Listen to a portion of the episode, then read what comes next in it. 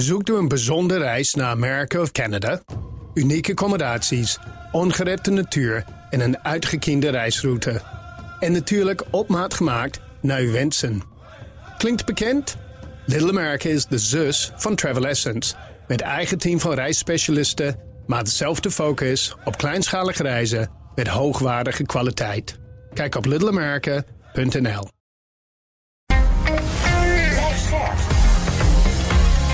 BNR Nieuwsradio. The Big Five. Diana Matroos. Het is een onzekere tijd met grote maatschappelijke uitdagingen. Denk maar aan al die dingen: de energiecrisis, de oorlog, klimaatverandering, een toenemend aantal burn-outs. Maar crisis is misschien ook een goed moment voor groei en kansen.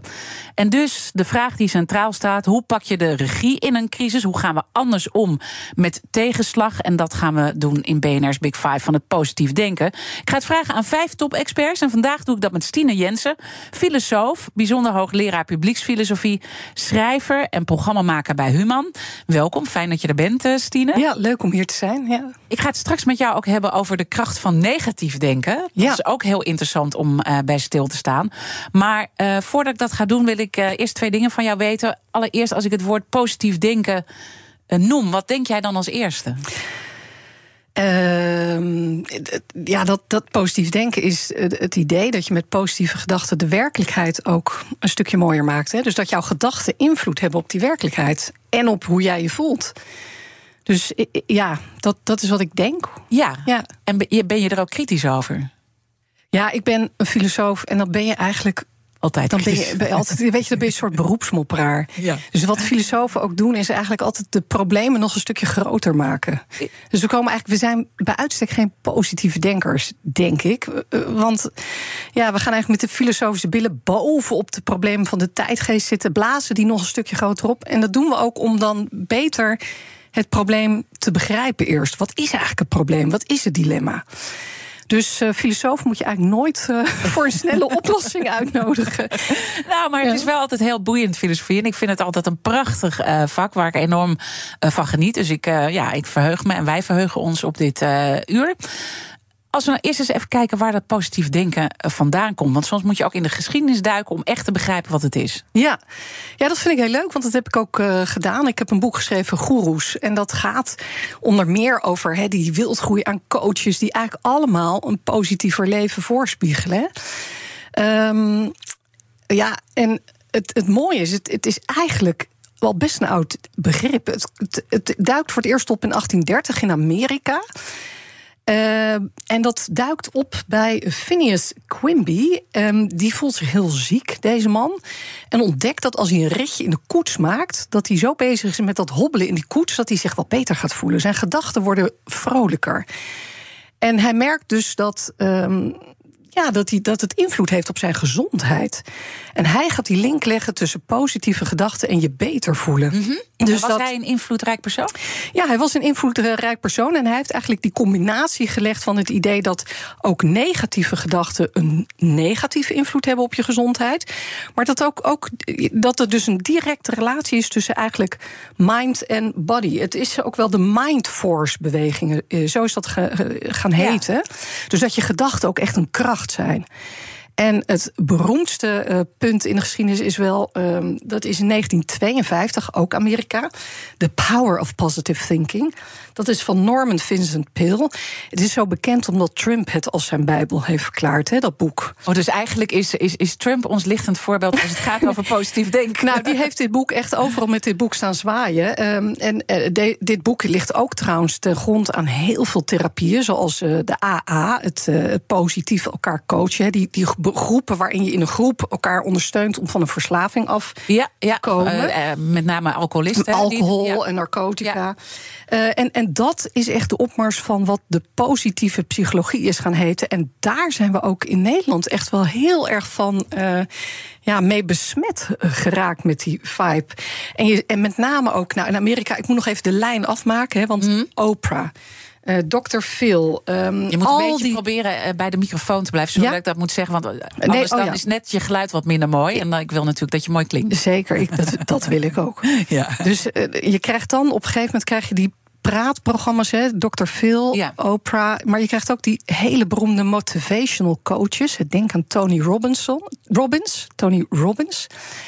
Eh, die allemaal heel beroemd worden met het idee dat als jij gelooft dat het leven beter wordt, als jij maar positief blijft denken, dan wordt het ook beter. Dan heeft dat een effect op jouw eh, reële Ja. leven. Nou ja, ik kan me ook voorstellen, ik denk dat zelf ook wel, wat je aandacht geeft, eh, dat groeit. En je kan Ja. op heel veel verschillende manieren naar een situatie eh, kijken. Je kan het negatief, en daar zijn we trouwens allemaal best wel goed in, Klopt. hè, Ja. klagen. Ja. En dat het allemaal niet goed gaat. Terwijl als je dan even je aandacht en je focus verlegt naar dat positieve. Ja. Dan, dan ja, wordt dat wel steeds groter. Dat merk ik. Ik vind dat moeilijk om toe te passen. Ja. en het vol te houden, maar het werkt wel. Nee, maar ik begrijp ook wel dat Nederlanders eh, zich graag laten inspireren door dit Amerikaanse model. Omdat eh, Nederlanders juist heel erg eh, ge- getraind worden om erg kritisch te zijn.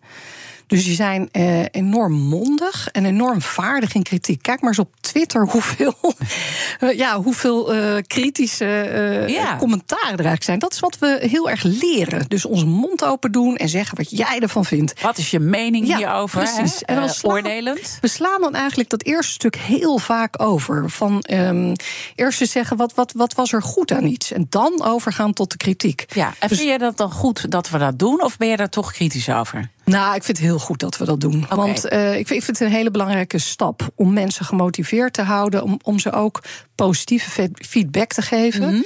En ik zie ook echt de waarde van positief denken in. Zeker als je in een samenleving leeft waarin dat wat minder getraind wordt.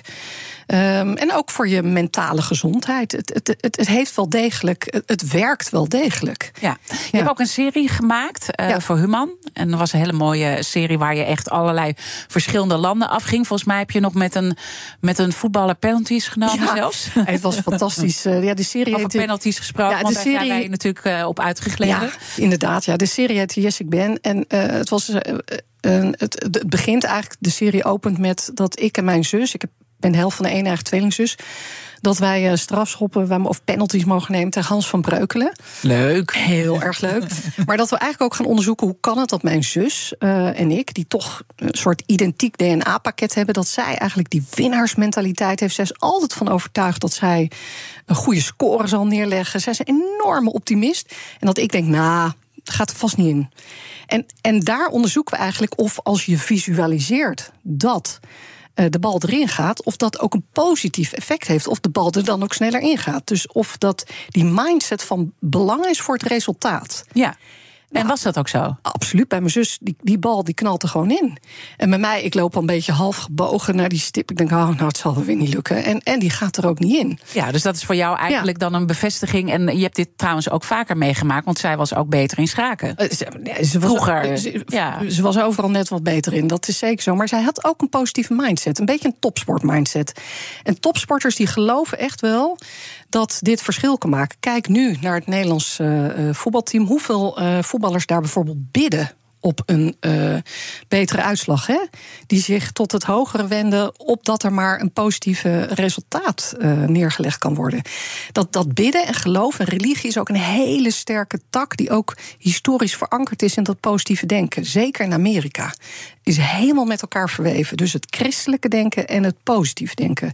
Is een enorme, het is een hele rare cocktail in Amerika van het christendom, positief denken en een businessmodel. Ja, en dat is het eigenlijk ook in Nederland met al die zelfhulpboeken, toch? Dat is het ook in Nederland. Ja. Hè? Het is, en alleen hier hebben we wat sterker zo'n circulaire kant. Die is wat Ja. sterker ontwikkeld hier. Ja, eh, Ja. Dan, dan, nou ja, je zegt, je ziet echt wel de, de goede dingen daaraan. ehm, maar eh, het gevaar is natuurlijk als er een te grote gap begint te ontstaan tussen.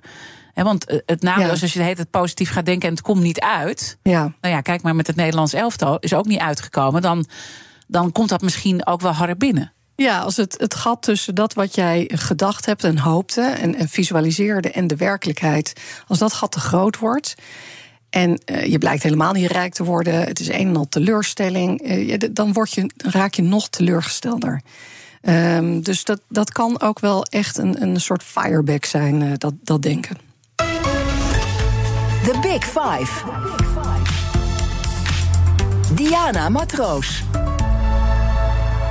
Mijn gast is Stine Jensen, filosoof en schrijver.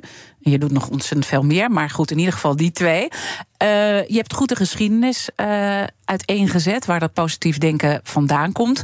Als je dan nu kijkt naar alle crisis waarmee we geconfronteerd worden, wat, wat is dan een goede manier om daarmee om te gaan? Want uh, ja, dan kan je het positief ja. denken, maar ja, die crisis ja. is er natuurlijk wel. Ja, en, en hier kun je nog een gevaar van positief denken benoemen. En dat, dat is, uh, is een hele kritische Amerikanen, een fantastische critica, bijvoorbeeld Barbara Ehrenreich. Die heeft het boek Smile or Die geschreven. En zij is echt een criticaster van de positief denken. Want zij zegt ook hier met al die crisis. Het gevaar is namelijk dat jij gaat denken dat jij uh, um, niet positief genoeg gedacht hebt. Dat jij het over je afgeroepen hebt, als het ware. Dus ben je eigenlijk nog schuldig? Je bent nog schuldiger. Bijvoorbeeld als je geveld wordt door ziekte of je krijgt corona uh, en, en, je wordt nog zieker. Ja, dan, dan had jij maar positief moeten blijven denken. Dan hoe negatiever jij denkt, hoe negatiever ook het effect mm -hmm. is op je gezondheid. Dus dan wordt eigenlijk het individu nog verantwoordelijker voor eigenlijk al het succes uh, of het falen. En dat is ook wel echt een groot risico. Ja, en dus de vraag, hoe moet je er dan wel mee omgaan? Hè? Ik ja. sprak uh, begin deze week met Lucia Rijker, natuurlijk bokslegende, maar ze is ook uh, boeddhist. En zij zei, ik sluit me af uh, voor het negatieve. Ze had, ze had heel veel advies hoor, maar een van de ja. punten was, ik kijk gewoon het nieuws niet meer. Want het is zo negatief en een uitvergroting van het slechte, terwijl er zoveel positiefs is als je daar naast gaat staan. Ja. Ja, dit is één bekende strategie om uh, om te gaan met uh, slecht nieuws of, of uh, ja, crisis, is de struisvogeltactiek. Ik, keer me, ik sluit me ervoor af. er is ook een, een, andere manier, dat is juist de carpe diem techniek. Nou, als het allemaal zo slecht is, dan ga ik nu gewoon de dag plukken, want je weet nooit wat er morgen gebeurt. Dus dat is een heel korte termijnachtige manier van denken. Um, maar uh, je hebt ook de doemdenker, dat ben ik eigenlijk. Dat is de filosofische houding die eigenlijk toch gaat onderzoeken wat die crisis eigenlijk inhoudt. En die zich juist gaat verhouden tot de crisis en ook ervan uitgaat dat het niet is. Um, ja, dat eigenlijk geluk of positiviteit er niet uit bestaat hoe je positief kan denken, maar juist hoe je omgaat met de crisismomenten, de negatieve momenten. Dus geluk is niet uh, die, die ene positieve uh, gedachte die je hebt, maar geluk is eigenlijk leren omgaan met de momenten dat het tegenzit. Daar bij stil gaan staan. Ja. Hoe ga je om met de schaduwzijde van het leven?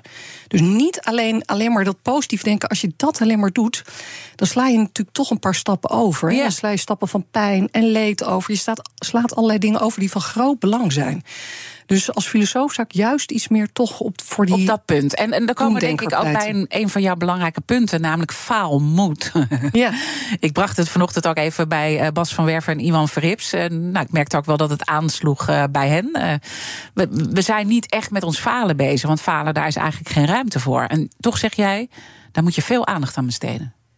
Ja, ik denk het wel. Ik denk dat het heel belangrijk is om verschillende uh, redenen. Ik denk dat als we dat falen wegstoppen en niet delen, dan komen bijvoorbeeld ook systeemfouten niet in beeld. Uh, wat bedoel ik daarmee? Uh, dat als. Um, neem de beroepsgroep huisartsen. Die krijgen heel veel op een bordje. en huisartsen zijn een beroepsgroep die niet geneigd zijn om hun falen aan de grote klok te hangen. Ehm, maar als één huisarts gaat zeggen, maar ik heb het gevoel dat ik soms faal. En de andere huisarts zegt dat ook. Dan krijgen we in beeld dat er misschien systeemfouten zijn. Dat het niet aan die individuele huisarts ligt, maar aan het zoals we het systeem hebben ingericht. Mhm. Mm -hmm. ik, ik weet niet of dit. Ik kan nog een voorbeeld geven om ja, het misschien nog graag, duidelijker te ja, maken. Graag.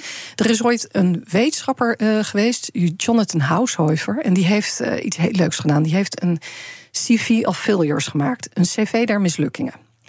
En daarop heeft hij eigenlijk alle dingen gezet die hem niet gelukt zijn in zijn wetenschappelijke carrière. Artikelen die werden afgewezen, beurzen die hij niet kreeg, banen die hij niet kreeg. Nou, dat was een, echt een flink cv.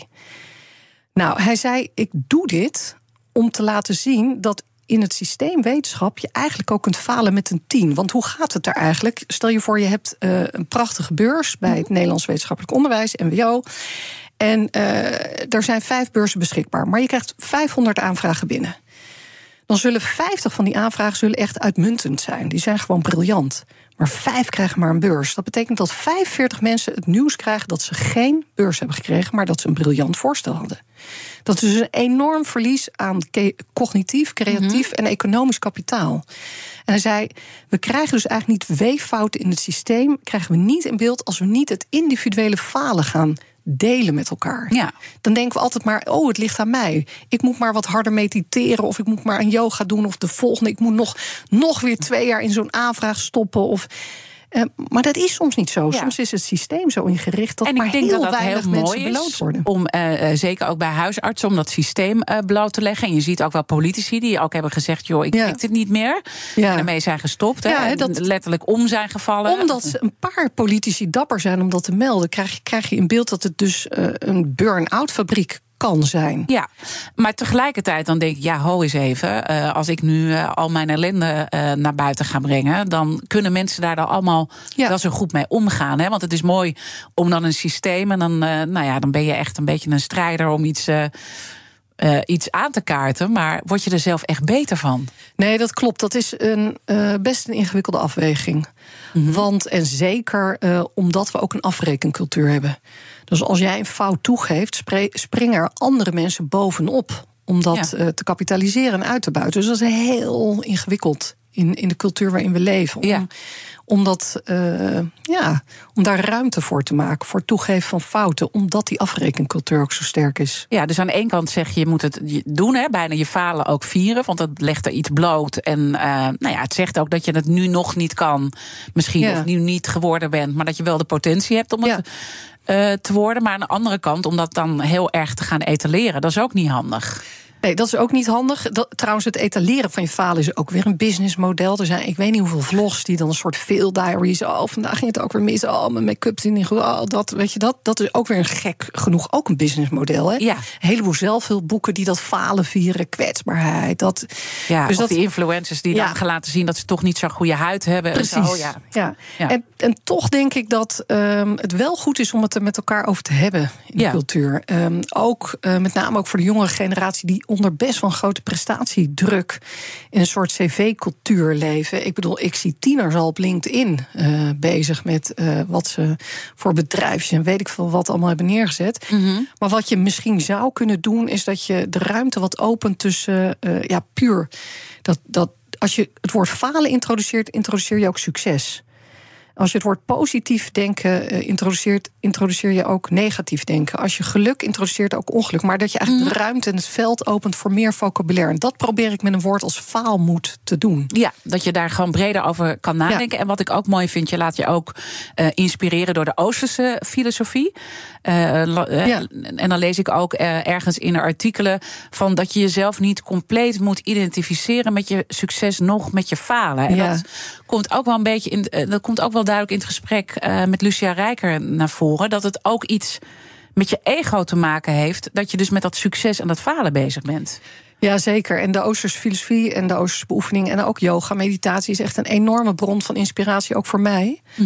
Eh, omdat het eigenlijk best heel moeilijk is in deze cultuur om je niet te identificeren met je successen of met je falen. Eh, maar op de een of andere manier te kijken, wie ben ik? Ja, Zonder die prestatie, zonder die cv. Wie ben ik zonder die mislukking? Wie, wie, wie ben ik dan eigenlijk? Ja. Want we leven in een cultuur waarin werk enorm belangrijk is voor je identiteit en je prestaties ook. Dus die, dat is echt wel een, een Oosterse beoefening. Of, en ik heb daar zelf ook heel veel eh, inspiratie uit gehaald. Daar ga ik straks ook nog met je uitgebreid over praten. Ook over het neutrale denken wat je bij eh, yoga leert. En, Ja. en, en negatief denken, de kracht eh, daarvan. Maar misschien nog één puntje om nu nog even af te vinken. Ehm, kijk, er is natuurlijk heel veel negativiteit. En er is ook heel veel kritiek. En, er is ook heel veel oordelen Ja. naar elkaar eh, toe. Moet je niet ook gewoon daar weerbaarder in worden? Zelf. Als, want we houden denk ik ook heel Ehm, ja. erg vast aan negatief commentaar. Dat klopt. Dus eh, je krijgt tien complimenten en één eh, kritisch geluid. En je blijft maar hangen in dat kritisch geluid. En je vergeet die tien eh, positieve commentaren. Dat, dat, zo zijn we ook wel een beetje wired, denk ik. Omdat het ons ook verbetert als soort. Maar het is wel zo, kijk. Op zichzelf vind ik sensitiviteit wel een hele mooie waarde. Dus ik zou niet al te snel zo willen zeggen: we moeten maar weerbaar worden. Maar het is een beetje een balans tussen weerbaarheid en sensitiviteit. Ehm, en, en ja, dat, dat is een, een, een, een balans, denk ik. Mhm. Maar Ja. maak je je zorgen over hoe wij daarmee omgaan op deze, hè, in deze tijden waarin dus ja, het echt storm buiten op, op meerdere fronten en hoe wij daar mee omgaan? Ehm, nou, het, het zijn wel een beetje bipolaire tijden. Dat gaat maar op en neer en dat polariseert als een malle, echt overal. Dus dat, dat vind ik wel heel zorgelijk. En ehm, ik denk ook dat we nog lang niet eh, uit eh, het fenomeen zijn, en ook jongeren niet, dat, dat, dat idee van die prestatiecultuur. Dus je had ooit eh, had je een midlife crisis en dat werd een Ja. dertigersdilemma, dat werd een quarterlife crisis en nu wordt er al van een tiener burn-out gesproken. Ja, vreselijk. hè? Dat is echt heel zorgelijk. Laten we daarover verder praten, want je bent ook met een boek bezig om eh, kinderen en jongeren te helpen om meer filosofisch eh, ook te denken. En daar heb je bepaalde ideeën over, omdat dat echt een groot probleem is waar we voor moeten zorgen voor die generatie. Blijf luisteren, zometeen praat ik verder met filosoof en schrijver Stine Jensen. Zoekt u een bijzondere reis naar Nieuw-Zeeland of Australië? Kleinschalige accommodaties, mooie natuur en op maat gemaakt naar uw wensen. Hi, ik ben Andrew Morton van Australië Nieuw-Zeeland reisspecialist Travel Essence. En onze specialisten staan nu voor u klaar. 65% van de CEO's optimaliseert hun energieverbruik. Maar er is nog veel te winnen op weg naar net zero. Meer weten? Ga naar pwc.nl slash netzero. BNR Nieuwsradio. The Big Five.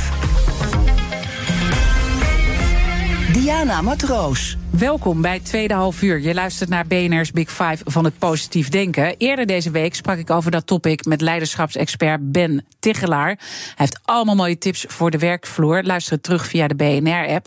Mijn gast vandaag is Tine Jensen, filosoof, bijzonder hoogleraar publieksfilosofie en schrijver. En overigens, we hadden het net even de reclame over. Je bent dankzij de ontsnapping van Bokito ben je populair geworden, hè, jaren geleden. Ja, het was mijn proefschrift waarom vrouw van apen houden. Dat ging over de beeldvorming van vrouw en apen in film, cultuur en wetenschap. Ja, Bokito ontsnapte. Er was een eh, vrouw die daar dagelijks kwam. En gaan journalisten googlen. Vrouw en aap. Ja, toen kwamen ze bij jou. Het rolde proefschrift eh, kwam eh, naar boven. Dus dat was inderdaad een vreemde dag. Ik werd gebeld door allemaal zenders, ook internationaal, over ja, wat kun je ons vertellen over die situatie in Blijdorp. En, Ja, heel mooi. Dankjewel, Boekito. Hè, Dan zeggen we. Ik, ik wil twee onderwerpen met je bespreken nog. Namelijk het belang van negatief denken. Heb je al iets over gezegd, maar er valt wel meer over te zeggen. En vooral ook neutraal denken. Naast dat positieve denken.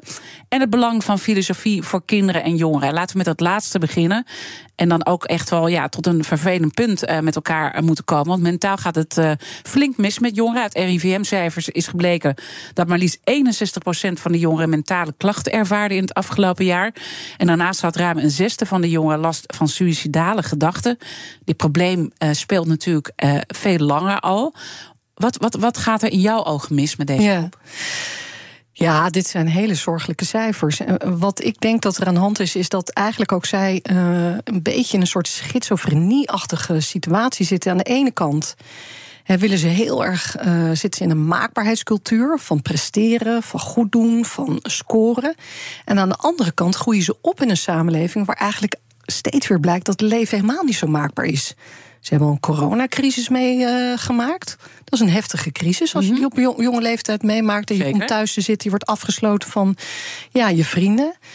Eh, heel veel jongeren hebben een eh, eh, groeien op in gezinnen die eh, ja, uit elkaar zijn gevallen. hè. Het, het aantal echtscheidingen is nu 40 procent. Van huwelijken die strand. Dus 716.000 kinderen, als ik het goed heb, leven, leven in eh één oudergezin of gaan heen en weer hè, tussen ouders. Dat is een heleboel. Dus zij eh, moeten eigenlijk, eigenlijk een heleboel dingen tegelijkertijd. En het goed doen op school. En ze krijgen toch best wel veel klappen. Maatschappelijke klappen. Ze maken veel mee eigenlijk. Ja. Nou ja, en ook die inflatie natuurlijk heeft ook, eh, heel Ook, veel impact eh, op ze. Een Ja. woning is natuurlijk lastig in het vooruitzicht. Hè, dus nou hangt een beetje vanaf naar welke leeftijd je kijkt. Ja, eh, de, zelfs pechgeneratie die met een enorme schuld nu eh zit, een studieschuld. Dus ze krijgen best wel wat voor de kiezen. En heeft het er ook mee te maken dat ze in de jaren daarvoor... want eigenlijk werd altijd gezegd... joh, is de generatie die nooit wat meemaakt, gespreid eh, beetje... Ja. dat die klap dan in één keer zo hard is van altijd maar... nou ja, dat rustige vaarwater en een boom gaat alles in één keer onderuit. Uh, nee, ik, ik weet dat er mensen zijn die denken van het heeft ook te maken met de curlingachtige ouder die alles maar altijd fantastisch vindt en de kinderen niet weerbaar genoeg maakt voor de samenleving. Of dat het eigenlijk een beetje verwendig is. Nee, dat denk ik niet. Want ik denk juist dat ze behoorlijk veel meemaken. Uh, op vrij jonge leeftijd al. En dat je op de een of andere manier. Ja, daar, daar hadden we met z'n allen de skills ook niet voor. We komen met z'n allen bijvoorbeeld in een pandemie terecht. Ja. Hoe ga je daarmee om? Ja. Dat hebben we met z'n allen moeten uitvinden. Dus ik, ik, ik denk eigenlijk dat ze gewoon in, in best wel een. Uh, ingewikkelde tijd leven. Vol met prikkels ook, sociale media. Um, dus dat. Het is een, een, een, tijd vol uitdagingen voor jonge Ja. mensen. Dus ik, ik, ben, ik zit er eigenlijk met, met veel compassie in. Ik ben niet van eh, de zweep te harde over of eh, kom op, eh, je moet maar eens even tegen een Ja, ja. Het, helemaal niet zelfs. Ehm, misschien is het goed om dan ook over oplossingen te praten en daar ook de kettingvraag bij te pakken. Want in de vorige aflevering sprak ik met Elke Gerard. Zij is dokter in de psychologie en oprichter van Better Minds at Work, waarmee ze ook nou ja, op de werkvloer helpt om eh, mentale punten aan te pakken. En Elke had deze vraag voor jou. Ik schreef zelf het boek De Mentale Reset tijdens de pandemie. Je vermeldde het al. En dat gaat over eh, dat je als mens zelf nu moet kiezen om resets te maken. Om deze crisis als een opportuniteit te zien. En ik ben benieuwd waar Stine de opportuniteiten ziet voor zichzelf, maar ook voor de jongeren. Om net nu die mentale resets te maken. Ja. Ja, mooie vraag. Ik moet als filosoof de verleiding weerstaan om niet meteen de vraag te bevragen. Wat is een mentale reset? Heb je eigenlijk wel de keuze altijd? Ehm, wat is een kans? Is elke crisis wel een kans? Nou, dat, dat probeer ik even, Even niet te doen. niet te doen. Eh, dus ik probeer even de vraag dan te beantwoorden. En dat is dat ik denk dat, wel, dat het wel zo is. Dat je eh, ik, ik ben wat dat betreft wel een optimist. Dat er altijd een kleine keuze is die je kan maken. Maar om die te kunnen maken, moet je wel wat afstand eh, scheppen tussen jou en de situatie. En dat, dat vergt bewustwording en bewustzijn. Dus je moet niet impulsief handelen. Dus je moet een ruimte opbouwen. Wil je je reactie kunnen kiezen? Wil je kunnen kiezen hoe je handelt? Dan heb je wat ruimte nodig tussen de impuls en de gebeurtenis zelf. En hoe creëer je die ruimte? Ja, dat, dat is best moeilijk. Maar daarvoor moet je. Dus daar zijn allerlei technieken voor, ook uit die positieve psychologie. Om niet meteen te handelen. Dus krijg je bijvoorbeeld een, een mail of iets kritisch te horen. Om dan toch even die adempauze in te bouwen. Het zijn echt fysieke technieken waarbij je ademt naar de buik. ehm, eerst je lichaam, bewustwording daarvan. Allemaal mooie technieken. Ja, zelf heb ik tijdens eh, corona. Ik, ik moet zeggen, het had ook soms een positief effect, namelijk de prikkelvrije stad. Ik heb zo genoten bijvoorbeeld van Amsterdam. Ik vond het zo Ja, mooi. Ja. En, en ik probeer wel dat vast te houden van oké, ik heb weer van de stad gehouden. Ja. Die stad die even niet zo overliep van de toeristen. En ik zag de schoonheid van de gebouwen. Ik heb zelfs een historische rondleiding gedaan. En ik dacht, oh ja, dat gevoel vond ik zo fijn. Hoe kan ik dat weer aanboren? Ik heb daar wel herinneringen aan. Ja. Nou, bijvoorbeeld door vroeg op pad te gaan of. ehm, ja, dus daar ben ik wel naar op zoek. Ja, En- en- hoe je dat vast kunt hoe je houden. dat vast kunt houden. Want dat is dus zo moeilijk. Want op een gegeven moment gaat alles weer draaien. En Ja. nou ja, komen er misschien wel nog meer prikkels eh, bij. Precies. Omdat we allemaal eh, alles moeten inhalen. En voor- ons gevoel. Voor, voor jongeren, ja, het was een heel dubbele situatie. Ik, ik kijk naar mijn dochter, die is 12. Die vond het begin van corona, dat ze thuis zat, vond ze eigenlijk best wel heel leuk. Ja. Nou, dat was, eh, weet je, niet zoveel school en dit. En daarna vond ze het vervelend, want ze zag de vrienden niet. En eh, ja, ze kreeg steeds maar eh, les van mij. Dat was natuurlijk ook niet. Ik was niet zo goed als de juf, enzovoort, enzovoort.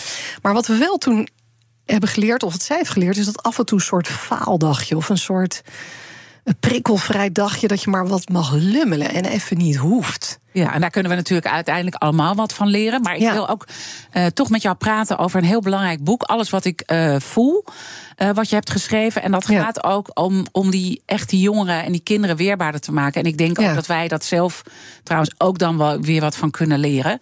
Wa- want waarom is die taal zo belangrijk volgens jou?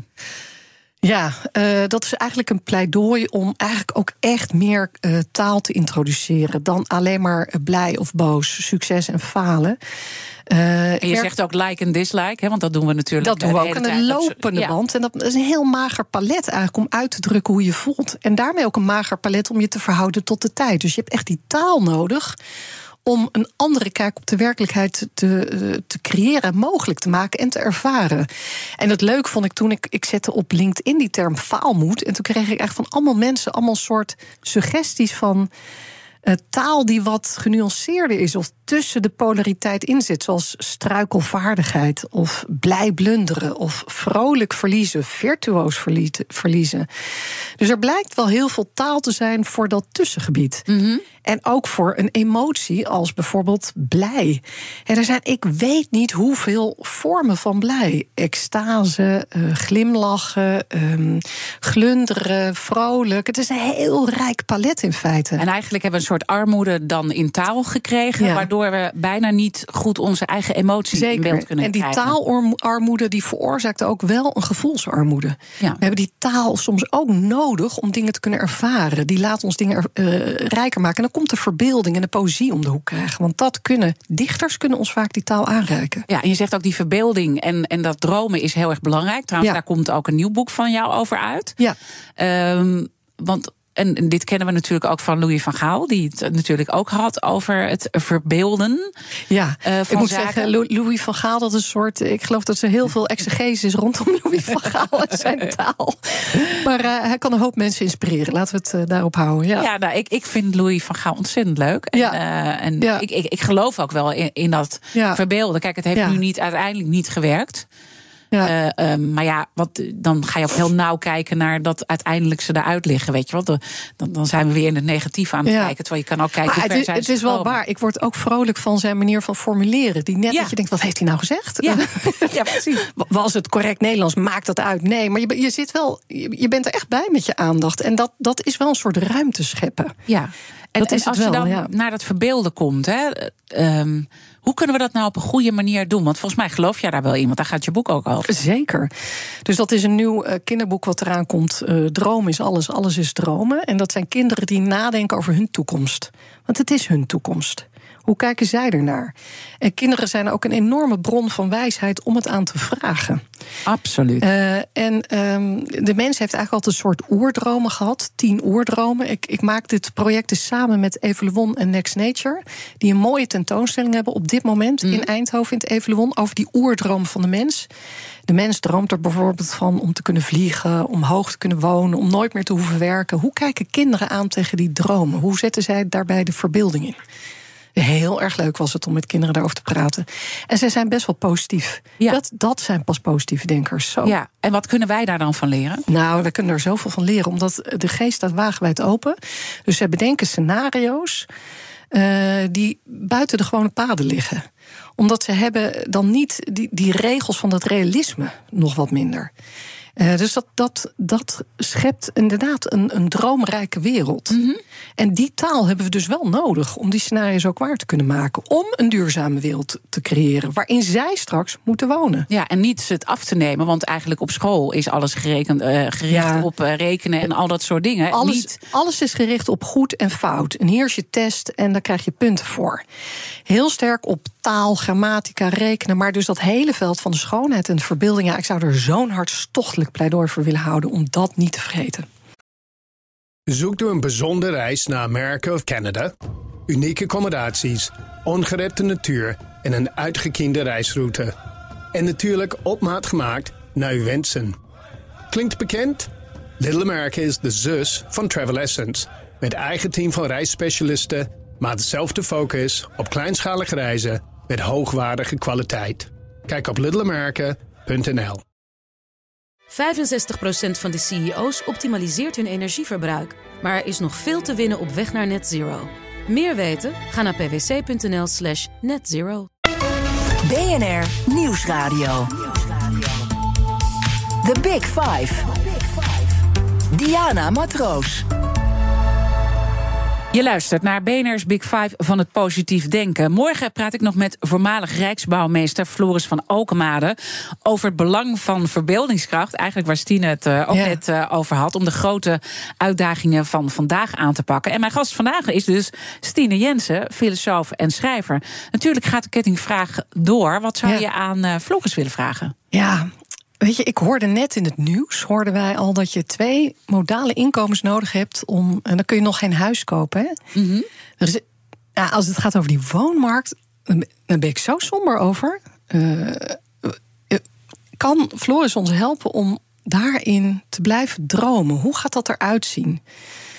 Ehm, ja, hoe, hoe, hoe kunnen we hier, hier uitkomen uit die, uit die maatschappij waar niet genoeg woningen zijn, waar je het niet kan betalen, waarbij je afvraagt: kan mijn dochter straks op kamers? En ook nog een beetje die schoonheid. Als hij die schoonheid er ook nog kan inbrengen, zou ik, nou, dan ben ik heel gelukkig. Of hij dat scenario voor mij kan schetsen. Mooie vraag, ga ik hem zeker uh, stellen. En dat is hem goed uh, toevertrouwd. In het slotstuk uh, wil ik graag met je praten over negatief denken. Ja. Want dat vind jij heel erg belangrijk. Je bent ja. overigens zelf opgegroeid in uh, Denemarken met de Scandinavische melancholie en de kunst van het sombere. Ja. Wat is de waarde van het sombere? Ja, dat is eigenlijk wel de tegenhanger van Amerika, hè, waar ja. ze dat positief denken hebben ontwikkeld. Ja. Nou, zo hebben ze in de Scandinavische landen hebben ze echt wel een patent op de Nordic noir, op dat melancholische denken. En dat is eigenlijk de waarde van het terugblikken, het omzien, het stilstaan bij het verleden, het wortelen. Het, uh, het is natuurlijk ook de, de kou. de, weet je, dat cultiveren. Dus het is niet altijd het zonnetje wat schijnt, maar het is die kou waar je weer in moet. En uh, ik vroeg me destijds af, toen bezig was met positief denken, van ja, als dan ja, positief denken heeft een waarde, maar is er ook een waarde in negatief denken, in dat sombere? En um, ik, ik denk toch dat dat dit is. Dus dat je wel degelijk stilstaat bij dat verleden. Uh, en, en, en omziet. Uh, in plaats van altijd maar vooruitblikt. Want het gevaar van het positief denken is dat je uh, dus altijd in een soort agenda van de toekomst wordt beter. En moet ook beter worden. Maar de waarde van het somber is dat je meer aandacht hebt voor dat onmaakbare. En je kunt je best ook een beetje wentelen in melancholie. Het is een hele mooie, zoete emotie eigenlijk. Een zoet verlangen naar het verleden. Dus dat is een beetje die waarde ook van emoties die we normaal als negatief duiden en weg willen stoppen. Zoals boosheid, verveling. Um, niks doen, luieren. Ja.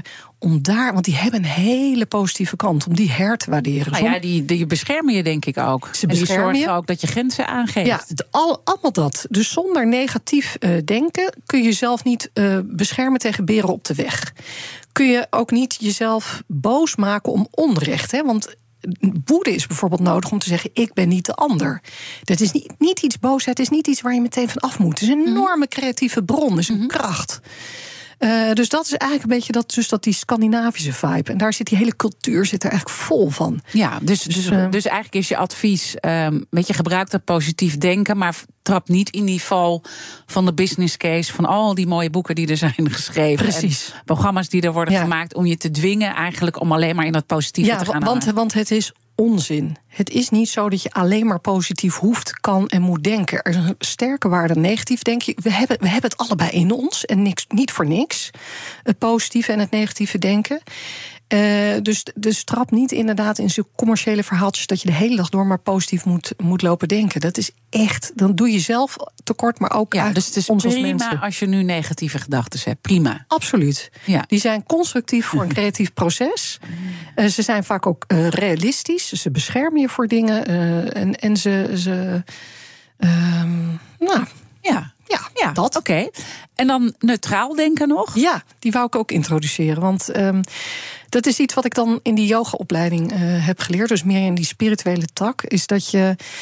Uh, eigenlijk drie facetten van de geest hebt. Positief denken, hè, wat je maakt dat je dingen kan creëren, dat je uh, optimistisch blijft naar de toekomst. Negatief denken, wat je behoedt voor fouten. Maar dat neutrale veld, dat is eigenlijk ook iets wat je kunt beoefenen. Waarbij je niet meteen in een up- of een down-emotie schiet, maar eigenlijk de ruimte neemt om te beschouwen, om te zijn.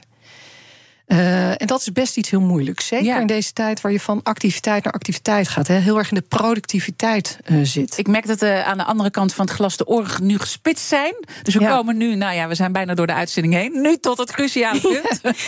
ja. um, en de andere kant van het glas is natuurlijk uh, de regie en de eindredactie ja. uh, die daar staat. Voor de mensen die denken, wat bedoelt ze met. Ja, nee, maar wat ik ermee bedoel is dat dat neutrale denken, dat maakt het mogelijk om je in de ander te verplaatsen, om te luisteren, om eerst maar te zijn en niet meteen te handelen of te reageren. Mhm. Mm -hmm. dat maakt perspectivisme mogelijk. Je verplaatst je in andere standpunten. Jij hoeft niet meteen partij te kiezen. Je mag ook gewoon rustig. Ja, terwijl we eigenlijk worden opgevoed. Hè? We zijn Nederland, ja. we hebben altijd een mening. Ja. We moeten meteen pap. Ja. Meteen we, hebben wel, we hebben wel functies hoor, die dat neutrale bevorderen. Dat zijn de mediators en de uh, conflictbemiddelaars. Maar er is er al een conflict. Je kan, dat hoeft, zover hoeft het niet te komen. Dus nee. ik, ik, ben heel erg voor het bevorderen. En da, daar kan de filosofie wel een grote rol in spelen. Maar je zegt ook, het is moeilijk om het te doen. Dus, dus ja. in, in, die, in dit slotstuk van drie minuten... help ons uh, wat we moeten doen om een beetje dat trainen goed voor elkaar te Ik denk het belangrijkste is in eerste instantie is de ehm, toewijding en inzet om het oordeel uit te stellen. Daar ga je even niet naartoe. Maar je gaat eerst de situatie van alle kanten bekijken. Je gaat ook uit je bubbel en met verschillende mensen praten. Ook met degene met wie je denkt dat je echt daar helemaal een tegengestelde mening mee hebt. Daar ga je dus die kop koffie mee drinken en dan ga je luisteren. Er zijn allerlei technieken om ervoor te zorgen dat je uit die polarisatie blijft. Bijvoorbeeld eh, eerst vraag een ander: je voelt je gekwetst, waar zit de pijn? Of ik merk dat je eh, niet met me eens bent. eh, waar zit het hem in? Dus humor is een techniek. Ja. Er zijn allerlei manieren om En daar vragen stellen eigenlijk. het vragen gesprek stellen. met elkaar Jouw aangaan. beroep bij uitstek. Ja. De nieuwsgierigheid. Dus het vergt andere waarden en het vergt andere technieken. En het vergt voor jezelf in ieder geval door blijven ademen, Mhm. je bewust blijven van je lijf en jezelf toestemming geven om, om een keer eens niet partij te hoeven kiezen. Hè? Ja. Dus, Maar je moet dus ook dan over een, eh, een bepaalde angst misschien soms heen. Dat je op iemand af moet stappen waarvan je denkt... Ja. oh, dit gaat vast helemaal niet ja. eh, goed uitpakken. En dat is dan ook misschien weer die faalmoed waar je het Ja. eerder over had... die daar heel mooi terugkomt. Ja, je maakt er een prachtige cirkel van. eh, dus dat is natuurlijk het laatste advies: is, wees valmoedig. Ja. Soms wijst iemand je toch af. Jammer. Geef niet. Volgende keer niet. Dus eh, wees valmoedig. Ga gewoon op diegene af. Ja. Ook al denk je van die vindt mij niet zo leuk. Ja. Ja. Ja. Ja. En toch, hè, dan zit ik te denken, dan ga je dus heel veel denken en alles beschouwen. En dan komen we toch wel in, in, in, de- in, dat- in die filosofie terecht, waarvan jij zegt dat is niet per se heel positief. Word, word je niet heel ellendig van het denken? de? Ja, dat klopt. Hè. Zo kwam ik een beetje met dat. eh, zo kwam ik erin, hè, met die beroepsomraar. Maar dat, dat is toch niet waar. Want dit is wel een denken wat verbonden is met het hart, wat mij betreft. Het is niet losgekoppeld van het hele lijf. Het is een verbonden denken. Het, het, het is. eh, ja, als je je hart blijft kloppen en een beetje een warme temperatuur houdt in dat denken, dan, dan, dan kan dat denk je echt wel helpen daarbij. Ja. Vind je het zelf eh, nog moeilijk met alles wat je weet? Eh, wat? Om eh, en dat positief denken en dat negatief denken Ja. en dat neutraal denken Nee, joh, te combineren. Zeg maar, ik ben helemaal grootgebracht in dat Scandinavische somber. Dus dat vind ik. Dat is, Het trekt jou elke keer weer terug. Zeker. Ja. Ik wil je bedanken dat je te gast eh, was vandaag. Want eh, we hebben heel veel eh, kunnen hebben aan jouw tips. Filosoof Stine Jensen. En natuurlijk eh, zijn alle afleveringen van BNR's Big Five zoals altijd terug te luisteren. Abonneer je op onze podcast via onze app of je favoriete podcastkanaal. Weet je zeker dat je niks mist. Maar heel belangrijk, blijf live. Zometeen Iman Verrips met BNR breekt. En vandaag hebben ze een hele mooie uitzending... waar ze ook een beetje gaan terugblikken en gaan kijken... wie het nou het beste heeft gedaan. Dus een hele positieve uitzending. Ik wens je een mooie dag. Zoekt u een bijzondere reis naar Amerika of Canada? Unieke accommodaties, ongerepte natuur en een uitgekiende reisroute.